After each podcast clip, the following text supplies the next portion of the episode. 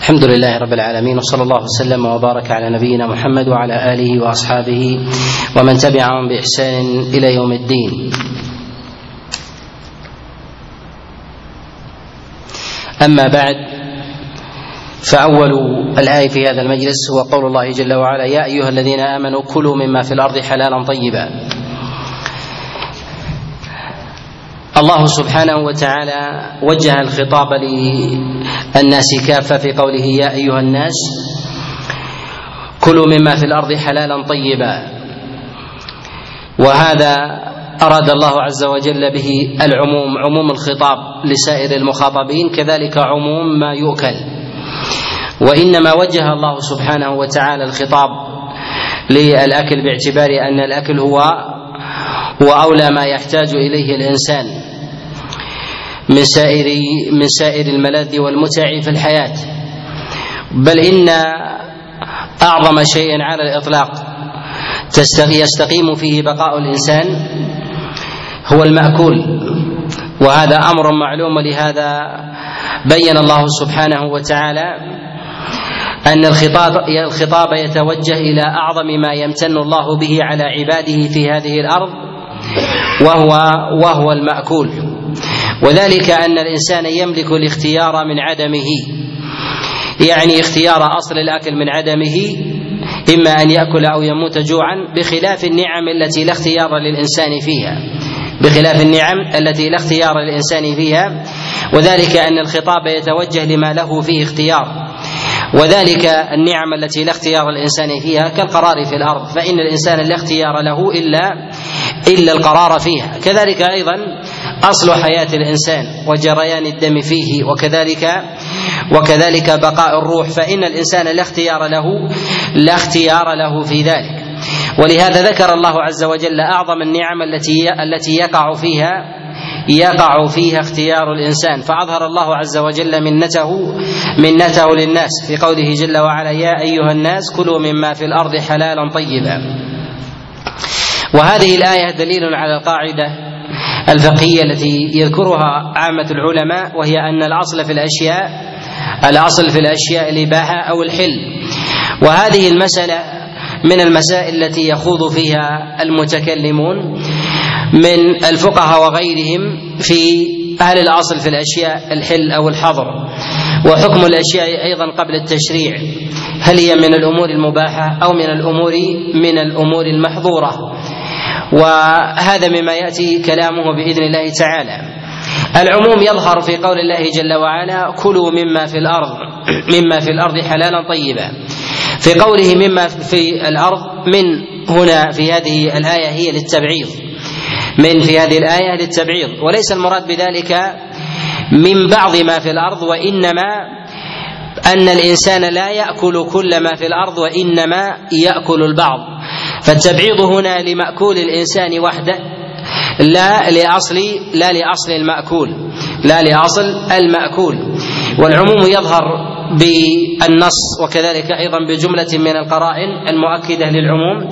وذلك أن الله عز وجل قال يا أيها الناس كلوا مما في الأرض حلالا طيبا. فقوله مما في الأرض يعني من الذي فيها مما يأكله الإنسان وهذا من ألفاظ العموم حلالا طيبا. فأكد الله سبحانه وتعالى إطلاق الحلية لما في الأرض من مأكول بقوله حلالا طيبا. ومعلوم أن الأمر بالأكل يكتفي على دلالة الحلية في قوله كلوا مما في الأرض فإن الله لا يأمر بأكل محرم وإنما أكد ذلك بعد ذلك بقوله حلالا.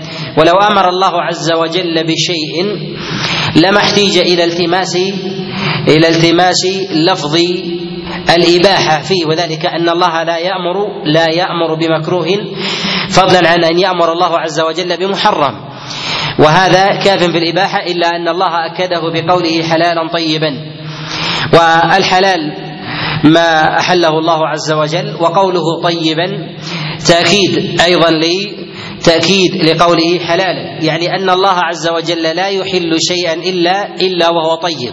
وهذا وهذا غاية الامتنان.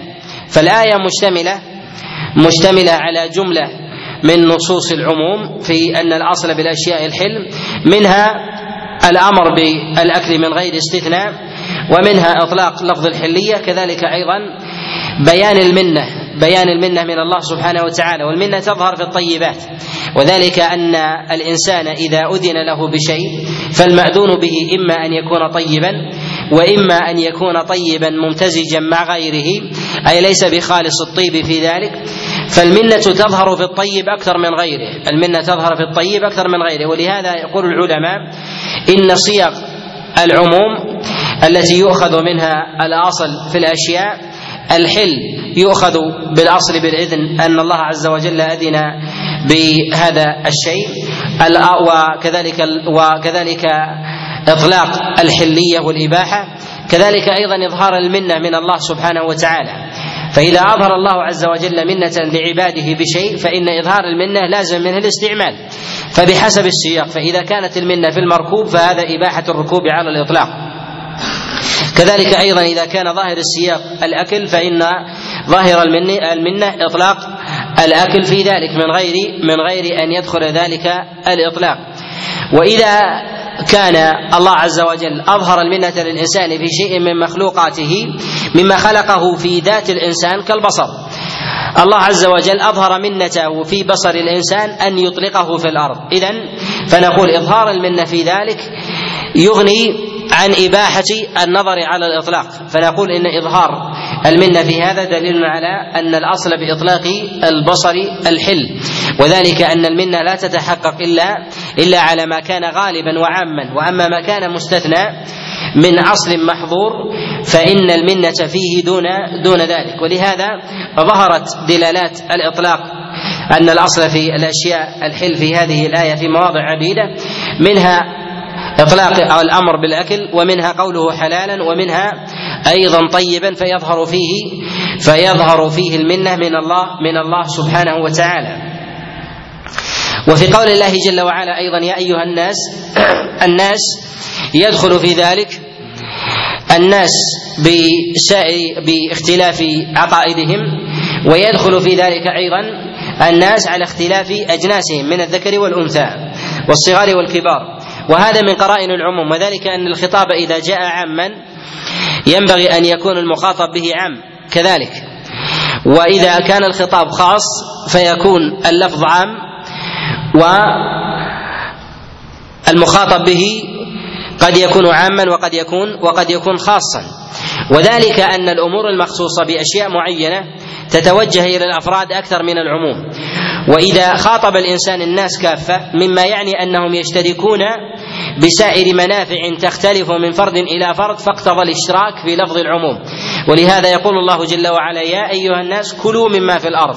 فهذا يشتهي كذا وهذا يشتهي كذا وهذا يشتهي كذا.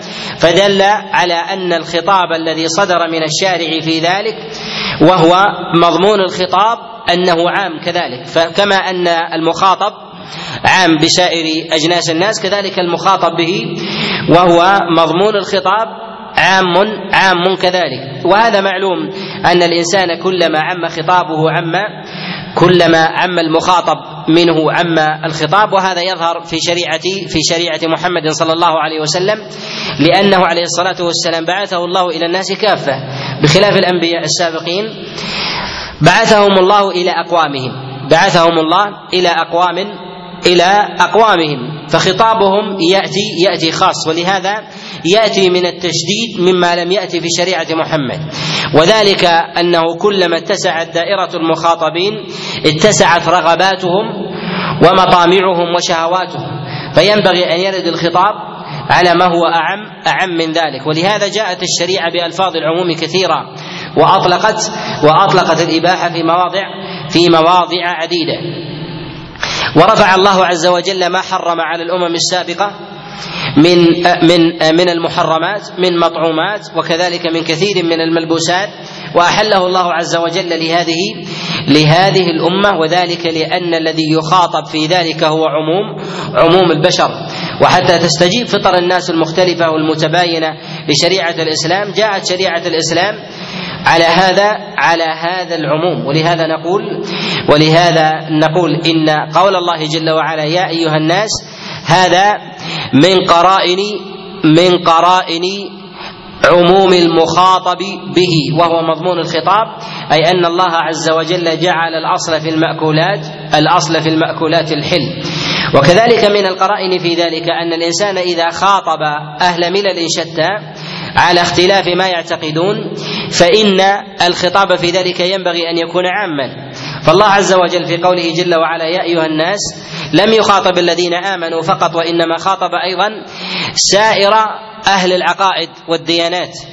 بأن الله عز وجل أحل لهم ما في الأرض جميعا. يعني حتى لو كنتم على ملة سابقة حرم الله عليكم شيئا من المطعومات فذاك منسوخ وأحل الله لكم وأحل الله عز وجل لكم ما ما في الأرض ما في الأرض جميعا. وهذه الآية فيها دلالة أيضا على نسخ على نسخ الشرائع السابقة لشريعة محمد صلى الله عليه وسلم.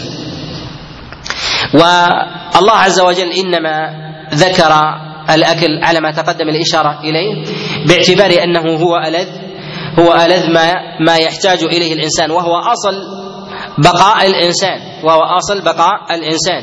ولا يتمكن الإنسان أن يبقى أن يبقى أياما متتابعة بلا أكل لكن يستطيع أن يبقى بلا لباس.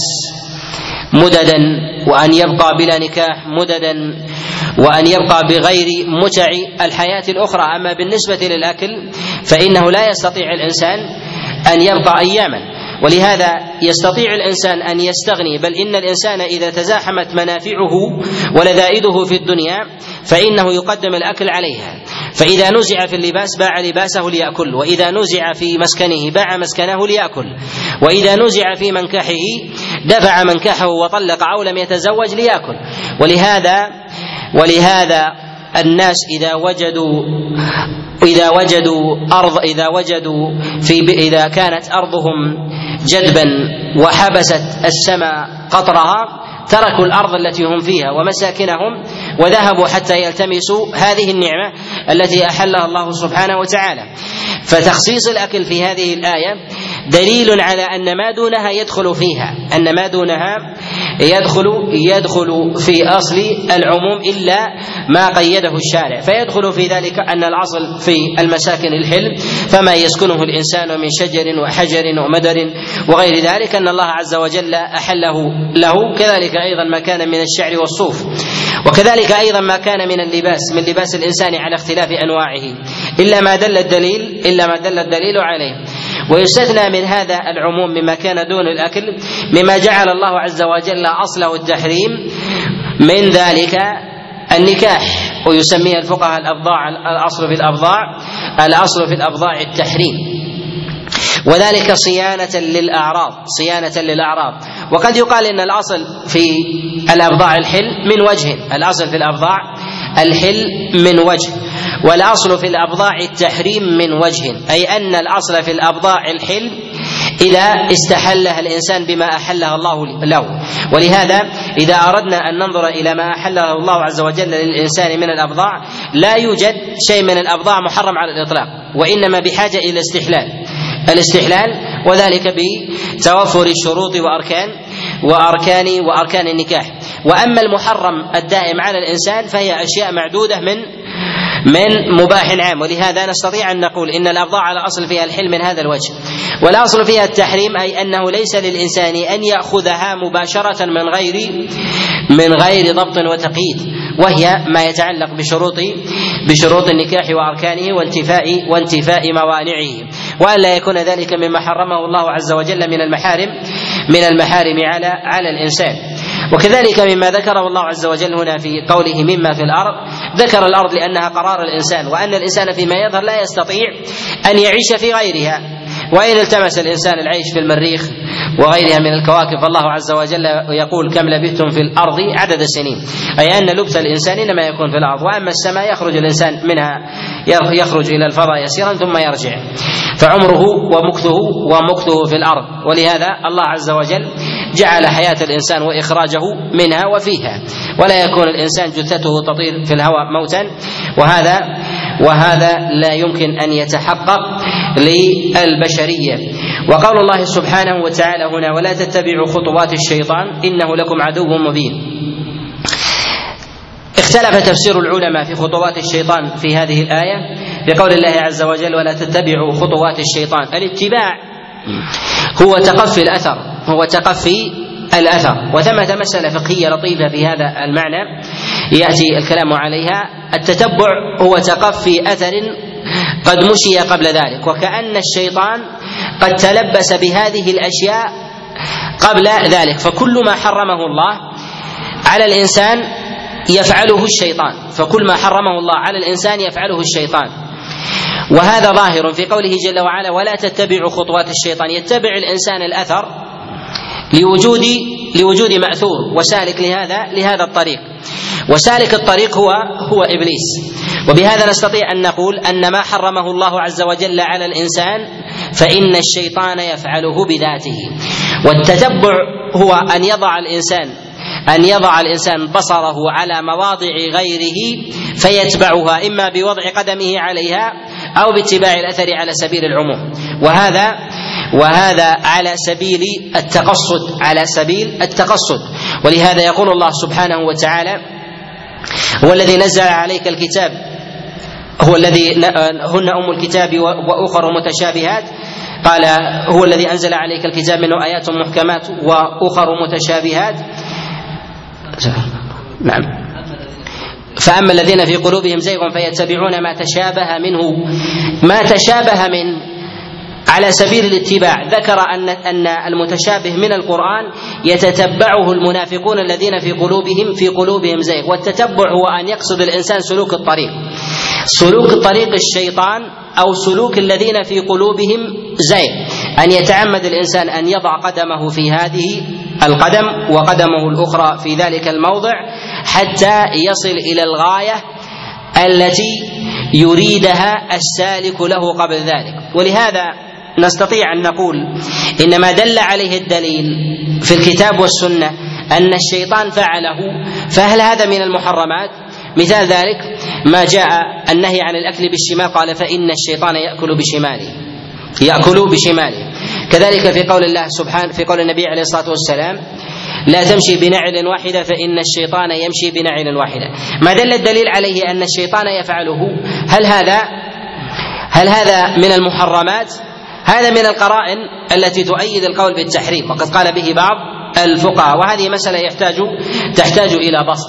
وفي قول الله سبحانه وتعالى هنا ولا تتبعوا خطوات الشيطان إنه لكم عدو مبين. اتباع خطوات الشيطان من العلماء من حملها على العموم أن ما ما نهى الله عز وجل عنه فهو من المحرمات وهي من خطوات الشيطان. ومن العلماء من قيده أن ما خالف الحل مما بينه الله عز وجل هنا في قوله يا أيها الناس كلوا مما في الأرض حلالا طيبا.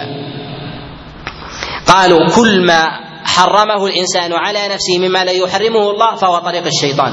ثبت تفسير ذلك عن عبد الله بن مسعود فيما رواه البيهقي والطبراني في كتابه المعجم من حديث أبي الضحى عن مسروق أن عبد الله بن مسعود قدم له ضرع فاكل فأكل منه. فدعا القوم ليأكلوا معه.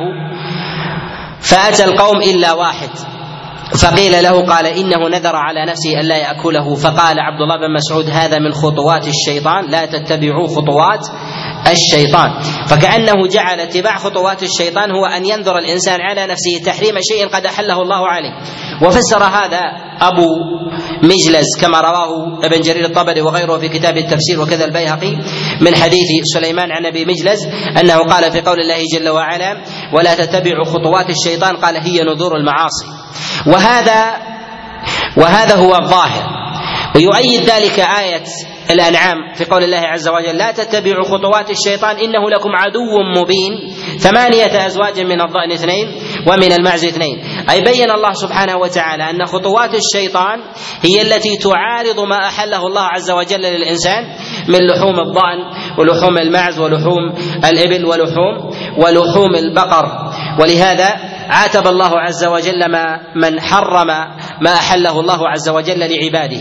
ولهذا نقول إن ذكر خطوات الشيطان في هذه الآية المراد بذلك أن يحرم الإنسان على نفسه شيئا لم يحرمه الله عز وجل فهذا من خطوات الشيطان. وبهذا نستفيد مسألة وهي نستفيد مسألة وهي أن الإنسان إذا حرم على نفسه شيئا بنذر هذا هل هو من نذور المعاصي؟ أم لا إذا حرم الإنسان على نفسه أن يأكل لحم طير كذا. فهل هذا من نذر المعصية؟ نقول نعم من نذر المعصية بنص الآية. وعلى هذا نقول هل عليه كفارة؟ أم لا؟ نقول نخرج هذا على مسألة نذور المعاصي نذور الكفارات في في المعصية. هل يجب على الإنسان أن يكفر؟ أم أنها لغو؟ فإذا حرم الإنسان فإذا نذر الإنسان أن يسرق أو أن يشرب الخمر أو نحو ذلك بالإجماع أنه لا يجوز له أن يفعل لكن يمينه تلك. هل عليها كفارة أم لا؟ هذا من مواضع الخلاف عند العلماء هذا من مواضع الخلاف عند العلماء. من العلماء من قال بوجوب الكفارة تعظيما لهذه اليمين وللمحلوف به سبحانه وتعالى. كذلك أيضا ردعا وزجرا للإنسان ألا يتخذ النذر ألا يتخذ النذر عرضة لأهوائه ومشاربه ونحو ذلك فيؤدب في هذا في هذا الأمر. وهما قولان في مذهب الإمام أحمد ومال عبد الله بن مسعود عليه رضوان الله تعالى إلى إلى التكفير. وفي قول الله سبحانه وتعالى ولا تتبعوا خطوات الشيطان ذكر الله عز وجل هنا خطوات الشيطان. والخطوات هي إشارة إلى أنها قليلة مخالفة للأصل.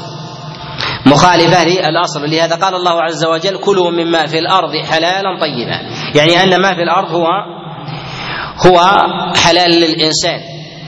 وأما ما حرمه الله عز وجل ما حرمه الله عز وجل على الإنسان فهو شيء يسير. فهو شيء يسير.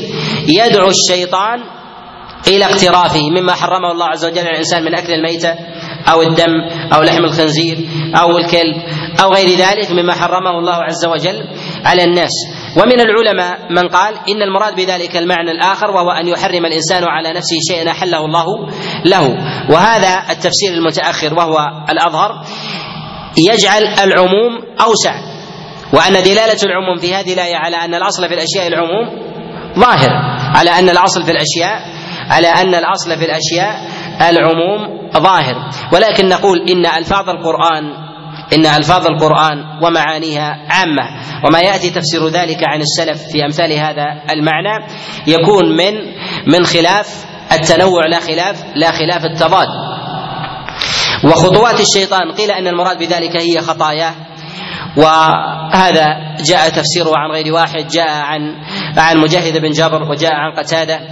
وقيل إن المراد بذلك هي هي معاصيه التي يأمر يأمر الناس باقترافها وعلى كل فدلالة هذه الآية في قوله خطوات الشيطان إشارة إلى أنها إشارة إلى أنها يسيرة تخالف الأصل وفي هذا تنبيه إلى أن الله سبحانه وتعالى جعل أصول المباحات للإنسان عريضة. وأما بالنسبة للمحرمات فهي فهي يسيرة جدا. وكثير من الناس الذين يلتفتون إلى أو يتكلمون في مبادئ الحريات وغير ذلك ونحو ذلك يشغلون أنفسهم يشغلون أنفسهم بخطوات الشيطان ثم يحصرون الأرض الأرض فيها. والله سبحانه وتعالى في قوله ولا تتبعوا خطوات الشيطان جعل أن المستثنى من هذه الأرض كأنه يمثل المستثنى من هذه الأرض المباحة إنما هي مسافة خطوات فقط وأما بالنسبة للأرض فهي مباحة بسهالها وفجاجها وأوديتها ببحرها وبرها وأن المحرم على الإنسان إنما هي خطوات يسيرة. بعض الذين يدعون الحرية يأتي إلى هذه الموضع ويريد أن يعيش في هذه الخطوات وينسى أن الشيطان هو الذي قيده في هذه الخطوات وترك الحرية الفسيحة إلى عبوديه إلى عبودية الشيطان في هذه في هذه الخطوات اليسيرة. فعاش فيها وظن أنه يبحث عن الحريه وهذا وبهذا نعلم أن الإنسان إذا أشغل نفسه كثيرا بالأمر المحرم ظن انه أنه مقيد. وإذا أشغل نفسه في المباح العريض أدرك أن الله عز وجل قد أنعم عليه. فإذا نظر الإنسان إلى ما أحله الله له من مأكولات. نظر إلى البحر أن ما كان تحت سطح البحر من سائر المأكولات أن الله عز وجل أحله له. وما كان على سطح الأرض وتحتها فهو مما أحله الله له. إلا أشياء يسيرة يستطيع الإنسان أن يعدها أن يعدها بيده. كذلك أيضا ما كان من الملبوسات مما أحله الله عز وجل للإنسان من أنواع الألبسة وألوانها أحل الله عز وجل للإنسان شيئا كثيرا. ولكن هذه النظريات الحادثة ما يسمى بالحريات أكثر طرقا على مشامع كثير من الناس في مبادئ الحريات وأنه حرم كذا وحرم كذا وحرم كذا فتأتي على ذهن الإنسان في سياق واحد منتظمة ثم يظن الإنسان أنه فعلا أن قيد عليه كل قيد عليه كل شيء. وبالنظر فإن الإنسان في حاله يطلب كثيرا من الأشياء هو لا يستطيع أن ينتفع بها ولو أراد أن يستوعبها لما استطاع. ولكن يريد أن يشغل نفسه يريد أن أن يشغل نفسه بالتعلق بأمثال هذه الأصول وأمثال هذه الأشياء وهو من جهة الحقيقة لا يتمكن من لا يتمكن لا يتمكن من استيعابها. لو نظر الإنسان إلى الأمور المحرمة مما حرمها الله عز وجل على الإنسان لوجد أن الإنسان في حاجته لها ربما يمر عليه في عمره في عمره عقود مديدة أنه لا يحتاج لا يحتاج اليها وتجد كثيرا من الناس يتبنون هذه المبادئ وتسأله مثلا هل رأيت خنزيرا في حياتك؟ يقول لم أرى خنزيرا في حياتي. ولماذا إذا تتكلم على قضية أنك محروم من أكل الخنزير أو محروم من من أكل كذا أو لبس كذا أو نحو ذلك؟ إنما هو عمارة ذهن الإنسان بشيء مما حرم عليه وجعله في سلك ومنظومة واحدة حتى يقيد الإنسان به عنقه ويظن أن ويظن أن الله عز وجل حرم عليه حرم عليه كل كل شيء. وهذه عادة النظرية وما يسمى بالليبرالية وطلب الحريات أنهم ينظرون إلى العقد ويقومون بحلها ولا ينظرون إلى المحلول باعتبار أنه محلول فيشغلون الناس بما هو مقيد لي ليحل. وهذا أمر وهذا أمر معلوم مشاهد. ولا يمكن لأناس يدخلون أبواب أبواب الحريات ونحو ذلك أن ينظروا إلى شيء محلول هو من جهة أصله يجب أن يعقد فيأمرون بعقده لأن هذا يقولون إذا كان إذا كان هذا معقودا لك فقد يكون محلولا لغيرك. فإذا كنت تحرمه أنت فان فإن غيرك قد يبيحه. وهو من جهة هذه القاعدة لابد أن يكون أن يكون الشيء كله محلولا أي حلالا ولا يوجد في ذلك تقييد ولا ما لا يوجد له تقييد في هذا هي طريقه هي طريقة البهائم. هي طريقة البهائم. وفي قول الله سبحانه وتعالى خطوات الشيطان إنه لكم عدو مبين. العداوة على أنواع. ولهذا سمى الله عز وجل سبحانه وتعالى الشيطان هنا أن إنه عدو مبين. ذكر البيان. العداوة تتباين. منها عداوة بينة ومنها عداوة خفية. ولكن عداوة الشيطان عداوة بينة. من أين يأتي تأتي هذه العداوة البينة؟ والشيطان يجري من الإنسان مجرى الدم. فكيف يدرك الإنسان عداوته بالبيان؟ نقول المقصود بالبيان هنا معنى جليل وهو أن العداوة للإنسان منها عداوة ينتفع منها المعتدي ينتفع منها المعتدي يعني لديه شبهة في ذلك. أما الشيطان فلا ينتفع من عداوة الشيطان ومن عداوته للإنسان وإنما يعاديه كرها وحقدا وغيظا وحسدا. غيظا وحسدا بخلاف الخصومات التي تقع من الناس مما له في شبهة فيتنازع الناس على مال أو يتنازع الناس مثلا على شيء من من من حقوقهم فيما بينهم. أو رجل مثلا وقع في شخص فكان ثمة عداوه هذا العداوة في ذلك ليست بظاهرة بينة لوجود مشاحة في الحق أي لديه نسبة حق ولهذا تجد بعض الخصوم ربما يفكر بحق خصمه عليه. هل له حق لدي هل أنا أخطأت عليه أو نحو ذلك؟ فيتنازعون الحق. أما بالنسبة لعداوة الشيطان المصالح بينه وبين بني آدم منفكة. المصالح بينه وبين بني آدم منفكة. فجنسه يختلف عن جنس عن جنس البشر. وعداوته كذلك بالنسبة للإنسان تتباين. تتباين عن العداوات التي فيها حظ. ولهذا عداوة الشيطان للإنسان بينة ظاهرة أنه لا حظ لا حظ فيها. وهذا يظهر في حال الإنسان إذا عاداه شخص من الأبعدين وخاصمه في ذلك. إذا كان يعلم أن فلان ليس بينه وبينه حق فلم يشاركه في تجارة ولا يشاركه في نسب ولم يشاركه أيضا يجاوره في بلد ونحو ذلك. وكان من الأبعدين يعلم أن القضية إنما هي حسد ومكر وخديعة وحسد. من من تلقاء نفسه ويعلم أن هذه العداوة هي عداوة عداوة بينة ويعلم أيضا من أراد أن يقيم أمثال هذه العداوات أن هذه عداوة لا يمزجها شيء من الحقوق. ولهذا تجد القاضي حينما يحكم بين متخاصمين يقفان عنده ينظر بينهما يعلم أن بينهما عداوة لكن هذه العداوة ليست عداوة بينة ليست عداوة بينة لوجود شيء من الحق الذي يتنازعان فيه. وقد يكون الحق لدى هذا ظاهر وقد يكون لدى الحق لدى هذا باطن وقد يكون ثمة شبهة. في ذلك ولهذا العداوة لا تكون لا تكون بينة. أما الشراكة بين الإنسان وبين بني آدم فهي منفكة في أمر الدنيا. ولهذا عداوته كانت كانت ظاهرة. ولهذا كان أكثر البيان في القرآن في عداوة الشيطان هي في بيان خططه ومكره وتدليسه وتلبيسه. أكثر من بيان ذاته فذاته معلومة ولكن الله عز وجل يبين الحيل التي يحتال بها الإنسان ليصل إلى إضلال الشيطان وإغوائه حتى يتسلل إلى المحرمات. بتسويله للشيطان أن هذا حظ لك. وكما سول لآدم وحواء في الجنة حينما منع الله عز وجل آدم وحواء من الأكل من من الشجرة. قال ما منعكما ربكما من هذه الشجرة إلا أن تكونا ملكين. تكونا ملكين. يعني الملك هو الذي أعظم ما يسعى إليه الإنسان وهو دوام البقاء وكذلك تمام التصرف. تمام التصرف في المملوك وألا يشاركه ولا ينازعه في ذلك أحد.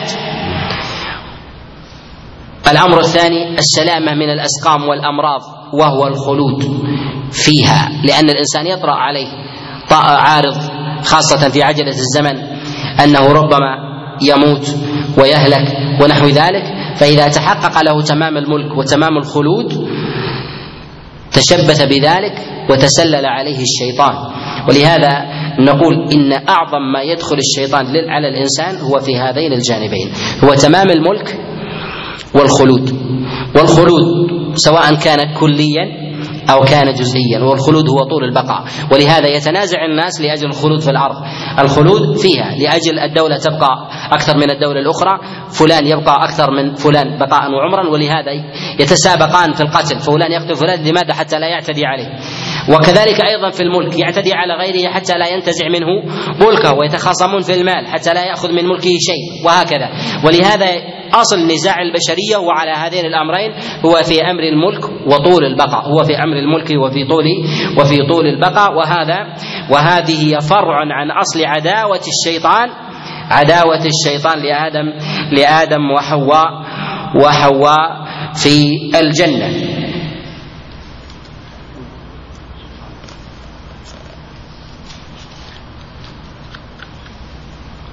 وهذا فيه دلالة بالتضمين على أن الأصل في الألبسة الحل والأصل أيضا في المساكن الحل وتقدم الكلام الكلام على هذا. وإنما قلنا أن الأصل في هذه الأشياء باعتبار أن المأكول أوسع منها موضعا. المأكول أوسع منها موضعا. الأصل في المأكولات أنها تنتشر في الأرض أكثر من مواضع المساكن. وكذلك أيضا من مواضع اللباس. فلما تعدد موضع الأكل في الأرض لزم أن يدخل فيه الأصل في المسكن الحل لأن الحل أضيق دائرة من ملك من ملك المأكول. وذلك أن الإنسان إذا أحل الله عز وجل له ما في الأرض جميعا مما يأكل منه الإنسان لا بد أن يكون مالكا لأرضه. وإذا لم يكن مالكا لأرضه فإن فإنه لا يملك الثمر. فإذا كان البستان ليس له أو كان الوادي ليس له فإنه لا يملك ذلك. ولهذا نقول إن حل أو جعل الأصل في المساكن الحل هو لازم للأصل في أن المأكولات المأكولات في المأكولات الطهارة كذلك أيضا في مسائل في مسائل الألبسة وذلك أنها أضيق حاجة وتلبسا للإنسان للإنسان فيها.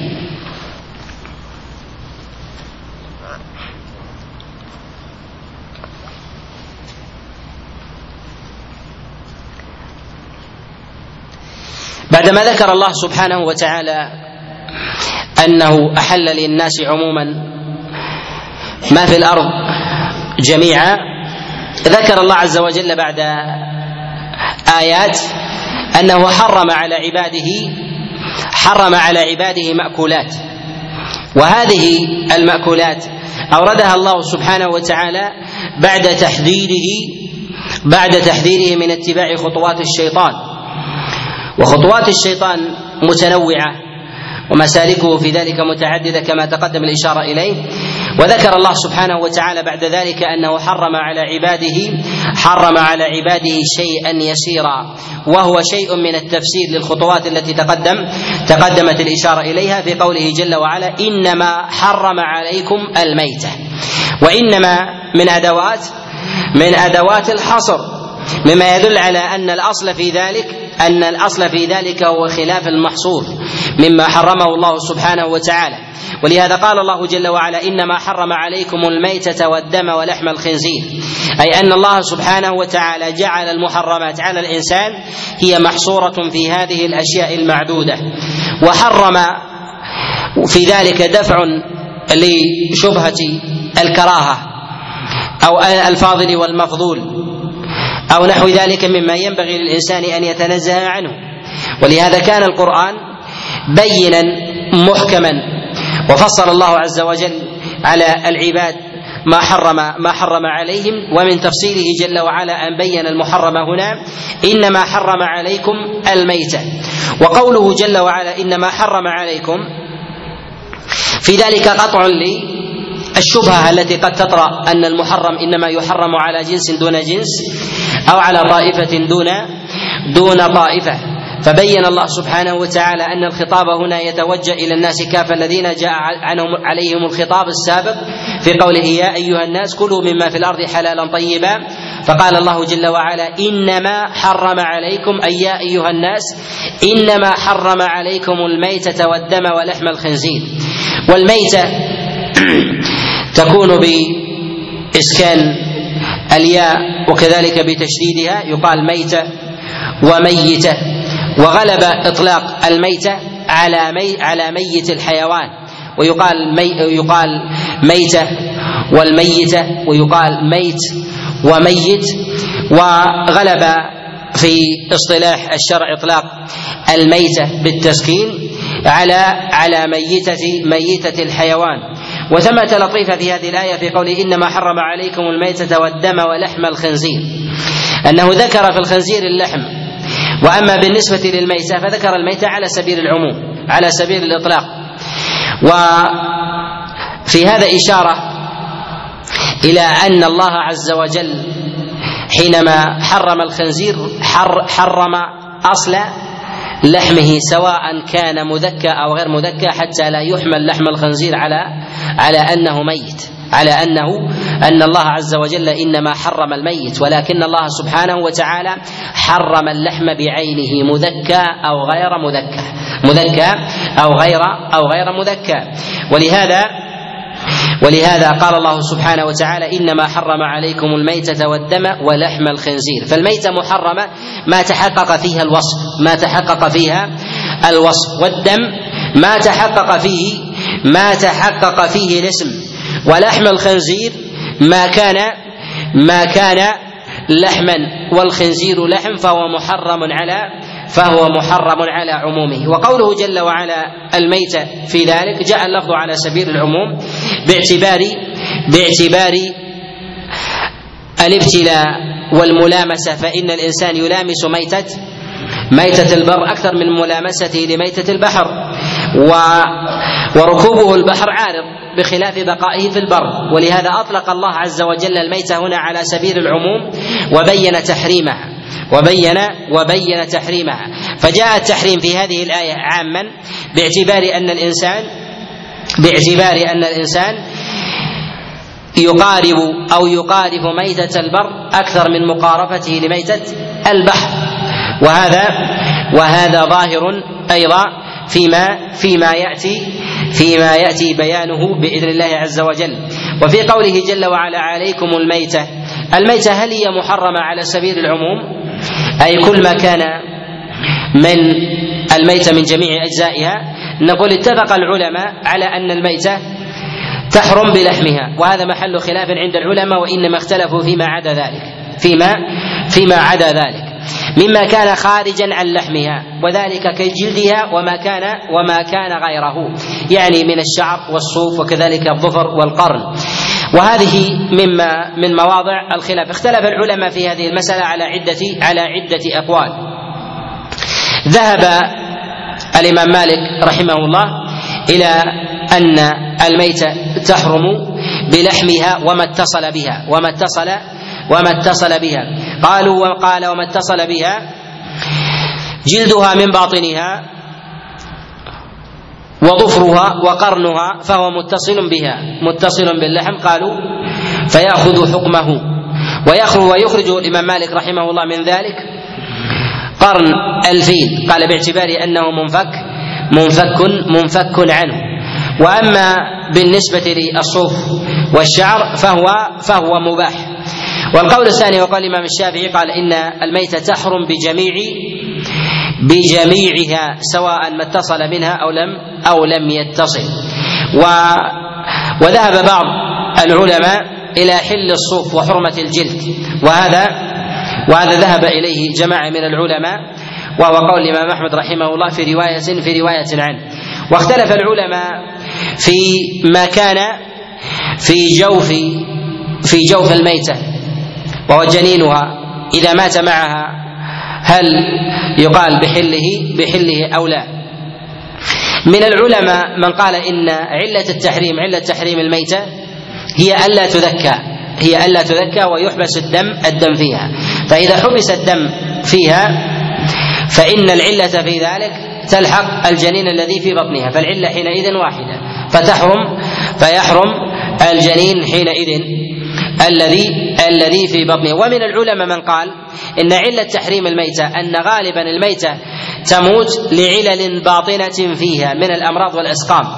فتنتشر في في لحمها فتموت. إما بهزال أو بوباء أو اكلت سما أو نحو ذلك فهذا ينتشر فيها فحرم لأجل هذا الأمر. قالوا وإذا كان كذلك فأمراضها لا تنتقل إلى جنينها بخلاف الدم الذي يكون محبوسا. وهذه العلة هي علة مستنبطة والعلة المستنبطة مما لا يقاس عليها عند عند العلماء. والله عز وجل قد حرم الميت على سبيل العموم ولا يقال ب ولا يقال بحليتها. ولكن بالنسبة للجنين الذي هو فيها نقول إذا خرج حيا وذكي فإنه كذلك. وأما إذا كان في جوفها فذبح فذبحت أمه فذكاته ذكاة أمه كما كما في الخبر. أما بالنسبة لجلد الميتة فهل جلدها يحل معها يحل بالدباغ أم يحرم معها؟ هذا من مواضع الخلاف عند عند العلماء.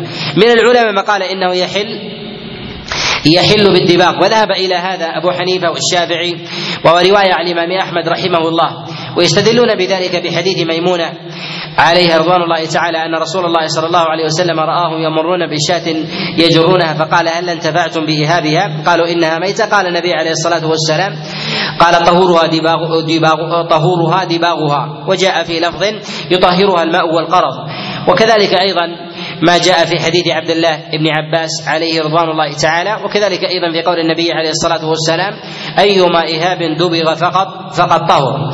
والامام مالك رحمه الله يرى أن ما كان متصلا بالجلد أو باللحم أو مباشرا له. قال فهو ميتة من البهيمة ولا يجوز ولا يجوز استعماله. وما كان خارجا منه فيجوز. وظاهر كلام الإمام مالك أن الجلد الباطن نجس والجلد الظاهر طاهر. ولهذا يحرم الإمام مالك رحمه الله وضع الماء وسائر السوائل في جلود الميتة المدبوغة ويرى الانتفاع منها فيما عدا فيما عدا ذلك. قالوا وذلك أن أنها أنها نجسة. فيبتعد عن الانتفاع فيبتعد عن الانتفاع الانتفاع بها من هذا من هذا الوجه.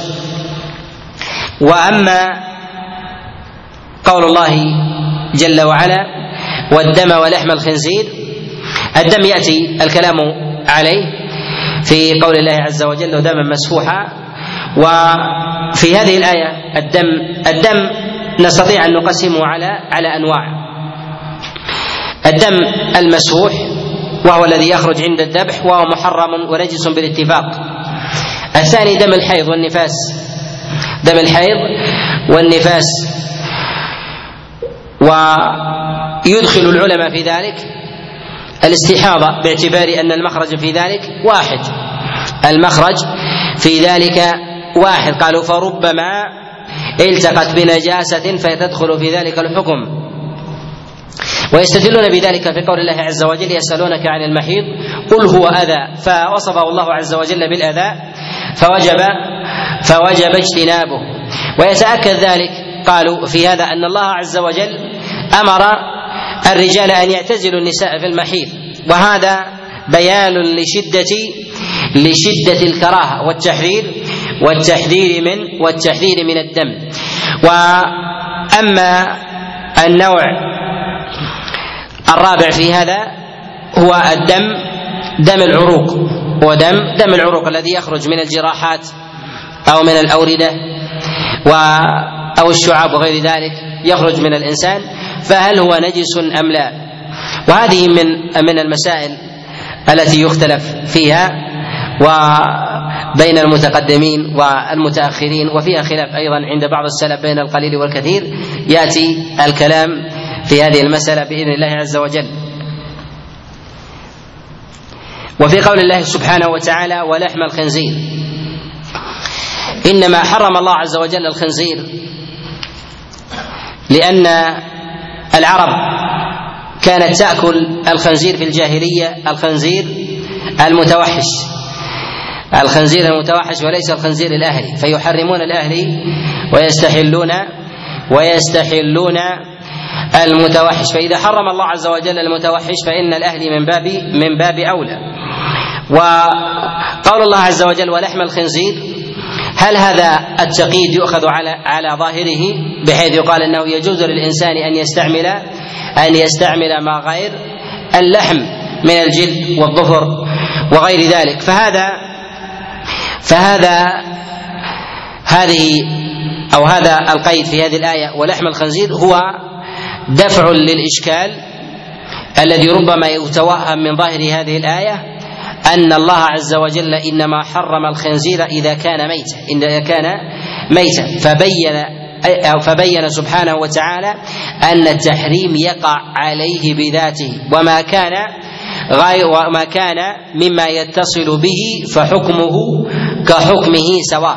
إذا فاللفظة في قوله ولحم الخنزير أنه لا يستفاد منها لا يستفاد منها التقييد وإنما هي دفع لشبهة قد تطرأ على على الناظر في هذا الموضع. ولهذا ذهب عامة السلف ذهب عامة السلف إلى أن ما اتصل بالخنزير مما تعلق به سواء كان الجلد أو الصوف أو الظفر أنه أنه يحرم بحرمته.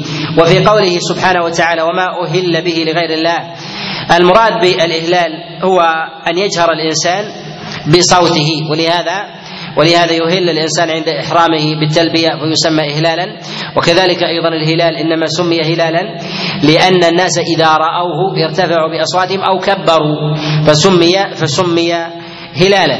قال وما أهل به لغير الله لأن الناس في الجاهلية يجهرون بأصواتهم عند ذبحهم لأصنامهم وآلهتهم فيسمونها عند عند الذبح. نص على ذلك جماعة من المفسرين من السلف.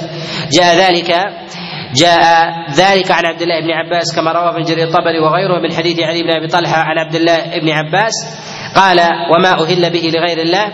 قال ما أهلوا به لأصنامهم. وجاء ذلك أيضا عن مجاهد بن جبر وقتادة وغيرهم من وغيرهم من المفسرين. قال وما أهل به لغير الله. وهذا دليل على أن المقصود بذلك الإهلال بخلاف بخلاف السبب سبب الذبح. فسبب الذبح لا يعني من ذلك إهلالا لغير الله. وذلك كذبح الإنسان للضيف أو ذبح الإنسان لسبب شرعي شرع الله عز وجل لأجله الذبح كالهدي والأضحية والعقيقة وغير ذلك. فما أهل به لغير الله يعني نوى الإنسان وجهر بنيته أن يكون ذلك لغير الله لصنم أو وثن أو صنم أو وثن.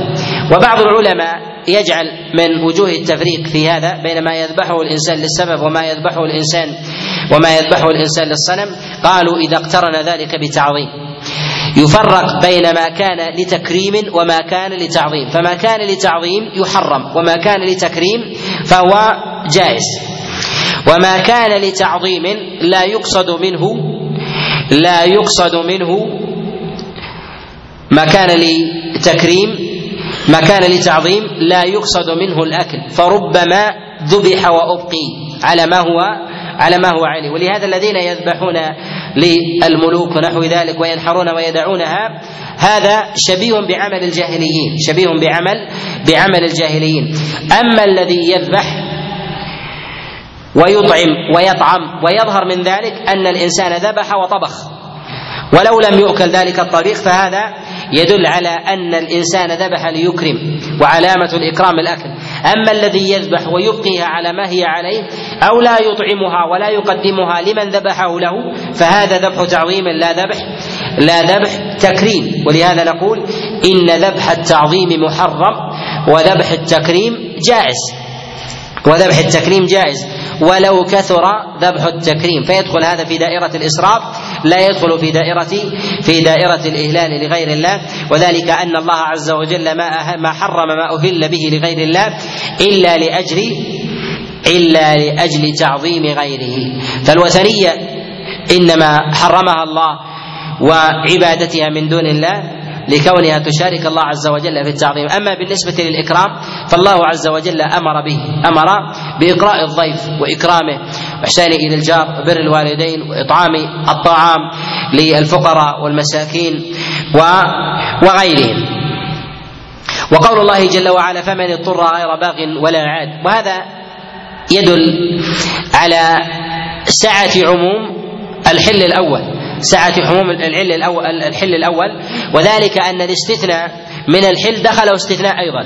أن الاستثناء الذي استثناه الله عز وجل من أصل الحل دخله استثناء أيضا والاستثناء إذا دخله استثناء دل على صحة على صحة وتأكيد الحل الأول. فالله عز وجل يقول في كتابه العظيم يا أيها الناس كلوا مما في الأرض حلالا طيبا ولا تتبعوا خطوات الشيطان إنه لكم عدو مبين.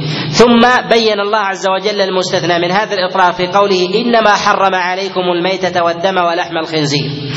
فاستثنى الله عز وجل من ذلك فاستثنى الله عز وجل من ذلك حال الاضطرار فما كان من حال الاضطرار هو داخل في أصل العموم هو داخل في أصل في أصل العموم وهذا يظهر منه سعة فضل الله عز وجل ومنته في قوله جل وعلا فمن اضطر غير باغ ولا عاد فلا إثم عليه. في قوله جل وعلا اضطر الضرورة الضرورة ما تلجئ الإنسان إلى المحرم مع مع انتفاء الحل أو مع وجود الحل وعدم القدرة القدرة على استعماله. فنقول حينئذ إن الله سبحانه وتعالى فنقول إن الله سبحانه وتعالى بين أن الاستثناء هنا أن الاستثناء الداخل على الاستثناء من أصل الحل جعله الله عز وجل في حال الضرورة. والضرورات تبيح المحظورات. والمحظورات على الإنسان ما نص الله عز وجل عليه الميتة والدم ولحم الخنزير وما أهل به وما أهل به لغير الله. فالضرورة تتعلق بالأفراد غالبا لا تتعلق بالجماعات. وإذا كانت تتعلق بالأفراد فمردها إلى حال إلى حال الفرد. ولهذا الضرورة لا تكون تشريعا ولا قاعدة وإنما هي استثناء والاستثناء يتعلق بأحوال وأفراد وأفراد معدودين. ومع ذلك لكمال البيان والتوضيح بين الله سبحانه وتعالى أن هذا الاضطرار ينبغي أن ينتفي معه البغي والعدوان. البغي والعدوان. يعني ألا يصاحب أكل الإنسان من هذه المحرمات رغبة في الإنسان فيكون قاصدا لأكل الشيء أو مصطنعا للضرورة وألا يكون أيضا معتديا زائدا عن الحد الذي أذن الشارع به. فإذا كان الإنسان مثلا في فلاة وخشي على نفسه الهلاك ولم يجد إلا ميتة جاز له أن يأكل بلا إسراف بلا بلا إسراف. وجاز له أن يتناول الدم أن يتناول الدم بلا إسراف. وهل للإنسان أن يأكل غيره من الناس أم لا؟ إذا جاع وكان في فلاة يجوز؟ نعم. يقول ميت أو حي. نقول حي. يتكلم بعض الفقهاء نعم. نعم ما يجوز؟ نعم. لكن قد يقول قائل أنا أريد أن آكل يده فتبقى روحه. نعم. يقول لا أستطيع. ما يستطيع أن يأكل يده. هل له أن يأكل يد غيره أم لا؟ نقول لا يجوز. نعم. كيف؟ لا يقول لا أريد أن أقتله.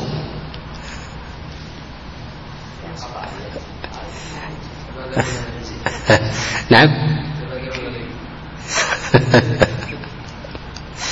يقول يتبادلون الأيدي.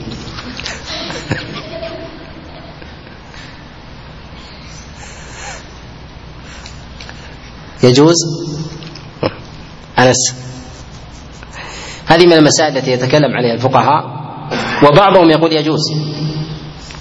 بعضهم يقول يجوز. أن يأكل اليد. ولكن أيها أولى يده أو يد غيره. أيها أولى في ذلك.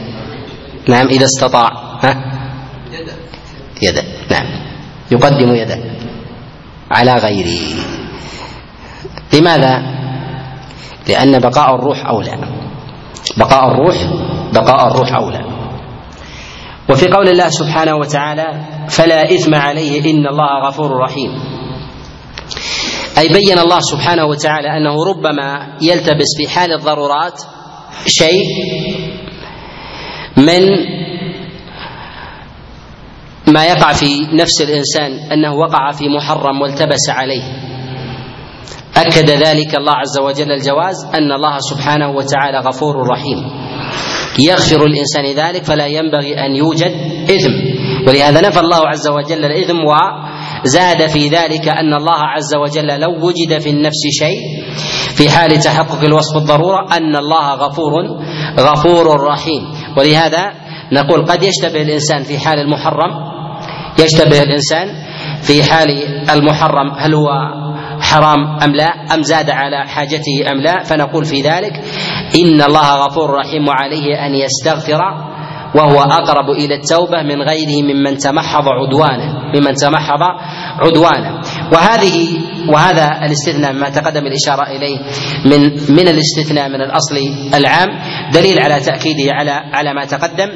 والقاعدة في أن الأصل في الأشياء الحل في المأكولات الحل هل هي موضع اتفاق أم لا؟ هل هي موضع اتفاق أم لا؟ ذهب جمهور العلماء إلى أن الأصل في المأكولات الأصل في المأكولات الحل وهذا الذي ينبغي عليه أن يكون إجماع السلف، ينبغي أن يكون عليه إجماع السلف، ولكن ذهب بعض الفقهاء وقول لأبي حنيفة وذهب إليه بعض الفقهاء من الشافعية إلى أن الأصل في الأشياء الحظر إلا أن يدل دليل على العموم، إلا أن يدل دليل على العموم، وقوله من الأصل في الأشياء الحظر إلا أن يدل دليل على العموم، قالوا إن الله عز وجل أنزل الإنسان إلى الأرض وجعل الأصل فيها التحريم. ولو كان الأصل فيها الحل لما احتاج إلى عموم إباحة في بعض المواضع. ولا ترك الأمر على عمومه وما جاءت إلا نصوص إلا نصوص التحريم والحظر فكانت مستثنية من الأصل. كذلك أيضا مما ينظر فيه في مسألة في هذه القاعدة الأصل في الأشياء الحل أم لا. إذا نظرنا إلى الأقوال المتخالفة نجد المختلفة في هذا نجد أن الخلاف في ذلك هو قريب من الخلاف اللفظي قريب من الخلاف اللفظي إلا في مسائل فصلت في هذا وهي مواضع مواضع إشكال. وذلك مثلا في حيوانات البر والبحر حيوانات البر والبحر. الأصل في في مثلا ميتة البحر الحل الأصل في ميتة البر التحريم. قالوا إذا اشتبه على الإنسان حيوان هل هو من ميتة البر أو من ميتة البحر؟ فأيها فأيها يغلب لديهم. لديهم أصل. الأصل في هذا قالوا الأصل في هذا التحريم. فتدخل في أقرب محرم. فلا يدخلونها في أقرب محرم. إذا فهي تدخل في دوائر في دوائر ضيقة. كذلك أيضا بالنسبة للمحرم. المحرم يحرم عليه صيد البر ويحل له صيد صيد البحر. فإذا اشتبه عليه حيوان يغلبون جانب يغلبون جانب الحظر الحظر في هذا باعتبار أنه أنه الأصل. وفيه مسألة أيضا يتكلم عليها الأصوليون في هذا هل الأصل في الأشياء قبل التشريع الحظر ام الباحة؟ وهذا أيضا من فضول المسائل. ولسنا فيما قبل التشريع حتى نحتاج إلى إلى إيراد مثل هذه المسألة. ولكن بعضهم يجعل من ثمارها أن ما كان قبل التشريع إذا كان الأصل الحظر قالوا فيدل على أن الأصل في الأشياء الحظر والعمومات هي استثناء من الأصل الذي كان عليه الأمر قبل قبل ورود قبل ورود ورود التشريع. والحق في ذلك أن الأصل في الأشياء الإباحة. في سائر الأشياء إلا ما دل الدليل على أن الأصل فيه التحريم بقيوده مما تقدم أن الأصل في الابضاع في الأبضاع التحريم. والدليل على هذا مواضع كثيرة جدا منها في في هذا في هذا في هذا في هذه الآية.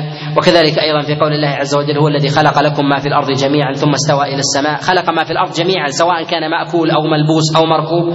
الأصل في ذلك الأصل في ذلك الحل ومما يدل عليه أيضا ما جاء عند الحاكم في المستدرك من حديث أبي الدرداء أن رسول الله صلى الله عليه وسلم قال الحلال ما أحله الله والحرام ما حرمه الله وما سكت عنه الله فهو فهو عفو.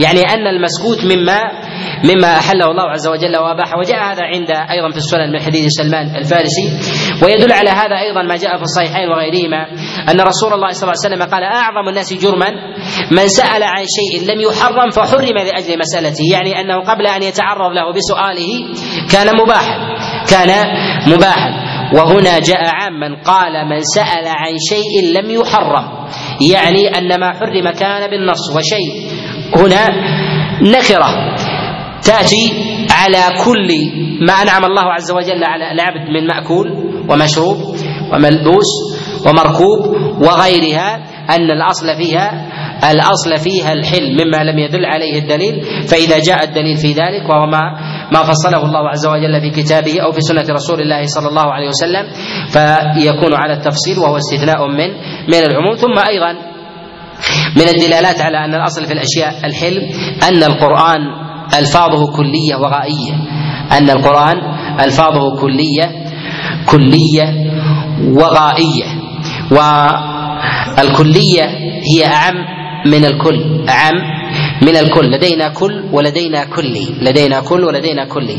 الكلي هو الذي لا يكاد يدخله استثناء. لا يكاد يدخله استثناء. وأما الكل هو الذي يطرأ عليه الاستثناء. مثل الميتة. الميتة كل وليست كلي. وليست وليست كلية. الكلية هي التي يدخل فيها الأمر ما هو عام ولا ولا يطرأ عليه ولا يطرأ عليه استثناء. والكل هو الذي يدخل عليه استثناء. فالميتة إنما جعلها العلماء كل وليست كلي لأن يطرا عليها استثناء من الشعر والصوف وهي داخلة في حكمها في اسمها. كذلك أيضا ما يكون مثلا مما يتكلم عليه بعض العلماء في الجلد على الخلاف الذي تقدم الكلام عليه في جنينها أيضا. ما يستثنى من ميتة البحر ونحو ذلك قال هذا كل ويدخل عليه استثناء أما الكلي فهو في الغالب أو الأغلب لا يدخل عليه لا يدخل عليه لا يدخل عليه الاستثناء. نكتفي بهذا القدر أسأل الله عز وجل لي ولكم التوفيق والهداية والسداد إنه ولي ذلك والقادر عليه وصلى الله وسلم وبارك على نبينا محمد. نعم.